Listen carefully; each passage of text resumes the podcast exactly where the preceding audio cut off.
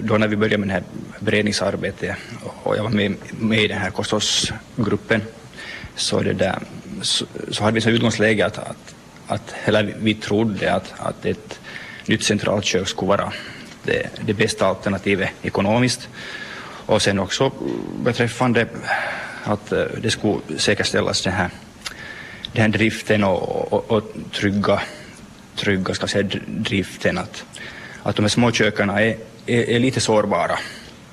Eller de här mindre köken är sårbara. Att, att de här köken som, som nu har behandlats så, så inte är de ju riktigt pyttesmå utan det är sådana här medel, medel, medelstora ska vi nu säga. Så. Men, men nu när det där, vi fick de här, de här siffer, sifferuppgifterna framför oss och när sen det här nuvarande läget kunde behandlas samtidigt så, så, så är det ju helt entydigt att det här, de här investeringarna som skulle behövas för ett, för ett alternativ, att vi har ett stort nytt centralkök, så det blir för dyra pengar. Att, att, att det som vi vinner i driften så förlorar vi i, det där, i den här investeringsdelen. Att det behövs en, en 16-17 år för att den här investeringen ska betala sig tillbaka och, och det här är, här är för stora sådana här faktorer som, som påverkar liksom det här, hur, hur, hur det här beslutet kommer att se ut. Det med landskapsreformen och, och, och, och eh, också J-husets saneringsgrad. Så det, här, här är för stora frågor som inte vi kan lösa nu. Så då är det bättre att hålla fast vid det gamla? Ja, absolut, ja. Vi gör, vi gör mindre fel i alla händelser då i så fall. Gunilla Stark från eh, SFP, du röstade då alltså för två centralkök i Ekenäsområdet, ett i Tenala och på Ekåsens område. Varför tycker du att det är det bästa alternativet? No, vi har de här, vi har köpt, när vi köpt upp e-, Ekåsens område så, och då har vi det här, det här huset där, det huset, som då är gjort för, för att vara ett, ett tillredningskök. Och det har en stor potential, hela köket. Och det är lite det att det måste ändå renoveras i något skede. Och så anser jag att då, då kan vi renovera det ordentligt och göra det till ett, ett stort kök. Och vi, det, det är det att det kan också användas som personalkök och, och användas till mycket annat när det där som alla kommunalhus och, och det finns så att det, det, här är ändå det dyrare alternativet jämfört med det som tekniska nämnden nu föreslår. Jo, men det är det att vi hamnar att göra en massa kompromisser med det, det här nollläget. Vi kommer att göra, renovera kök som inte vi kan göra riktigt på sånt sätt som egentligen ska göras, utan det blir kompromisser som inte jag tycker riktigt om. Att det är det stora, stora orsaken. Sen eh, när man då tittar i, i beredningen, Roy Helén, så står det att om, när man då i förslaget nu, alltså tekniska nämnden, eh, stannar för det här alternativet att man har alla kök kvar, så står det ändå i, från beredarnas sida att det blir kostsamt för staden att fortsätta om man inte gör några förändringar i kosthållets dimensionering eller i tillverkningskökens nuvarande antal. Hur, ser du på det då? Mm, no, jag kan inte kanske riktigt underteckna det för att det där centralköken, ett stort centralkök är inte eventuellt ändå det där mest ekonomiska sättet att producera en, en måltid åt, åt kunden. Att det där, att vi, vi, har ju, vi har ju sifferuppgifter på, på ska vi säga, jag har här framför mig ett bokslut från 2016 och det, och det visar entydigt att, att, ska vi säga, seminarieskolan i dagsläget så producerar det helt billigaste, billigaste maten i, i området. Och, och det där, det,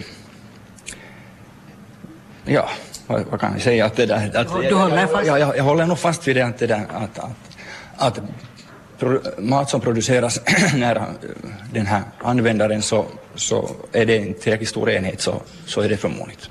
Men Gunilla Stark håller fast vid att det liksom kommer att bli alldeles för dyrt att hålla fast vid alla de här små köken. Jo, det kommer att bli det. Att det, det är det när vi hamnar att göra så många kompromisser för alla kök är inte gjorda för den här mängden som, eller är så gamla så vi får inte de gjorda på det viset som vi skulle vilja göra dem kommentera? No, jag, jag håller nog med för den delen. Att det, där, att, att det är så att myndigheterna, övervakande myndigheterna som ställer ganska höga krav på, på, på sådana här tillredningskök i dagens läge.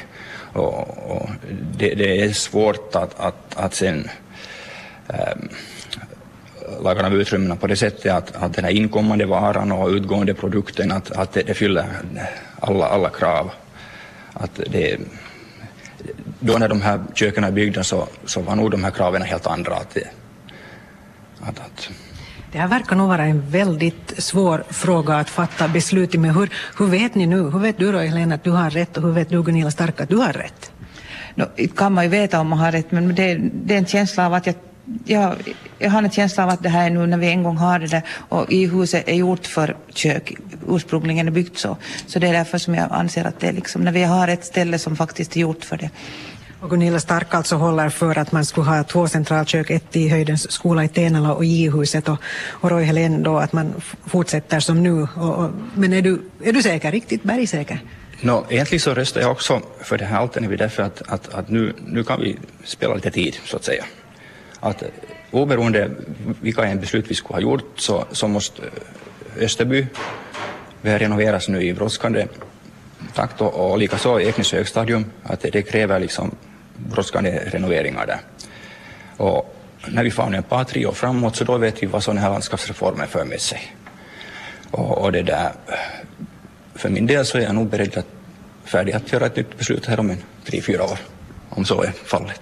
Okej, så att du kan tänka, tänka om här? Absolut, jo, inte ska vi låsa oss på det här beslutet. Okej, hur säger, vad säger du Gunilla Stark till det? No, ja, jag, inte är emot det här andra beslutet heller, men att det, i min- värld så är den här, tycker jag att det, enligt med alla fakta på bordet så tycker jag att det här andra ett, alternativ ett med två utdelning, eller två centralkök skulle vara det bästa. Men, men om man gör så här, man får ju se tiden an sen. Ingen vet vilket, som är bäst. Sen måste vi komma ihåg också att, att det där har jättestora investeringar här nu framför sig. Och att, att nu, om vi skulle göra det här alternativ ett, att vi skulle renovera i huset, så då måste vi komma ut med en, en 4-5 miljoner i, inom ganska kort tid. Och, samtidigt har vi enorma stora investeringar. Att det här stadens bärförmåga så är nog på bristningsgränsen. Att det här, vi, vi måste beakta också övriga funktioner i, i staden. Katarinaskolan ska renoveras och eh, vi har på önskelistan att, att det där svarta skolan ska bli av. Så att det där, det här är en, det här är en större fråga än bara kosthållet. Du nickar. Jo, jag anser att det är en större fråga och, därför tycker jag därför ser jag det som också en helhet att vi kan använda J-huset till så mycket annat. Säger, jag ser det på det sättet som en stor fråga när vi har, allt, alla, när vi har alla funktioner där bredvid. Så. Nu har ju också tekniska nämnden och, och, och föreslår att utlokalisering inte är ett alternativ, men enligt beredningarna så skulle det ju vara billigare att låta en utomstående sköta bespisningen i Ekenäs. Varför inte det? Det är väl det mest för att man vi har fått in sådana här pris, pris på vad det skulle kunna vara men man vet ju aldrig sen håller de där priserna. Det är väl det som vi är mest rädda för skulle jag säga. Då Helen nickar. Eh, Jo, det, då, då när det här, det här gjorts den beredningen så, så har man ju konsulterat, eller inte konsulterat, utan man har underhandlat med, med, med seriösa aktörer i, i branschen och, och de har, de har liksom värderat och gett, gett sådana här priser. Men det har inte varit fråga om några anbudsförfrågningar direkt, att de är, de är inte liksom fasta på det sättet. Och, vi är nog vana med att, så som med, med det här järnvägsbron i Garis, att, att under beredningen så var det ett pris och sen när, när det kom på tapeten att nå, vad kostar det nu sen? Så, då kom det en miljon till genast. Precis, så att det här tror inte riktigt på att det blir billigare. Nej. Ja, och, och sen är det det att, att med, med vilken princip som det här utlokalisering skulle, skulle ske så det är ju då Kuckenkill högst sannolikt.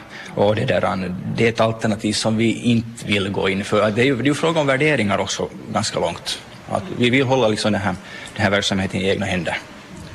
Men Du vill också ha egna händer, Gunilla Stark? Ja, så, så ser vi det nog nu just att det är bäst att ha det i egna händer när vi ändå har, har liksom den här kapaciteten att göra det.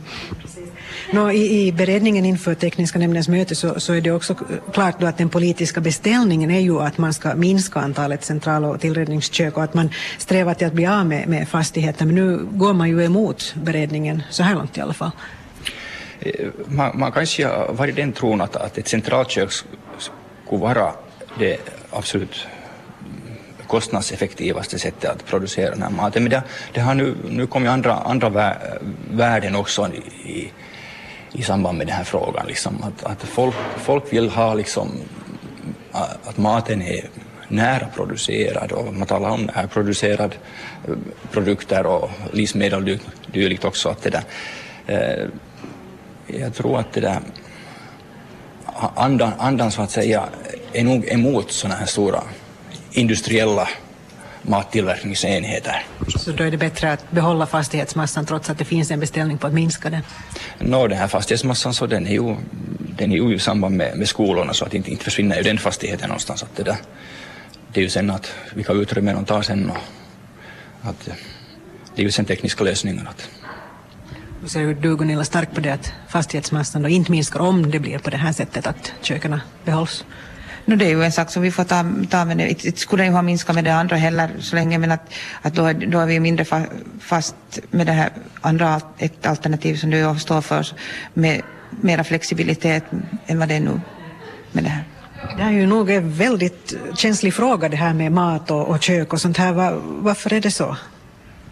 Det är nog det mat. Måste vi äta varje dag för att ha det och barnen behöver den här maten varje dag och de lär sig bättre vad de äter, vad de har sin mat varje dag och den ska vara god. Så det är nog en sak som alla vill ha, det ska vara någorlunda bra ändå. Varför tror du att den är känslig?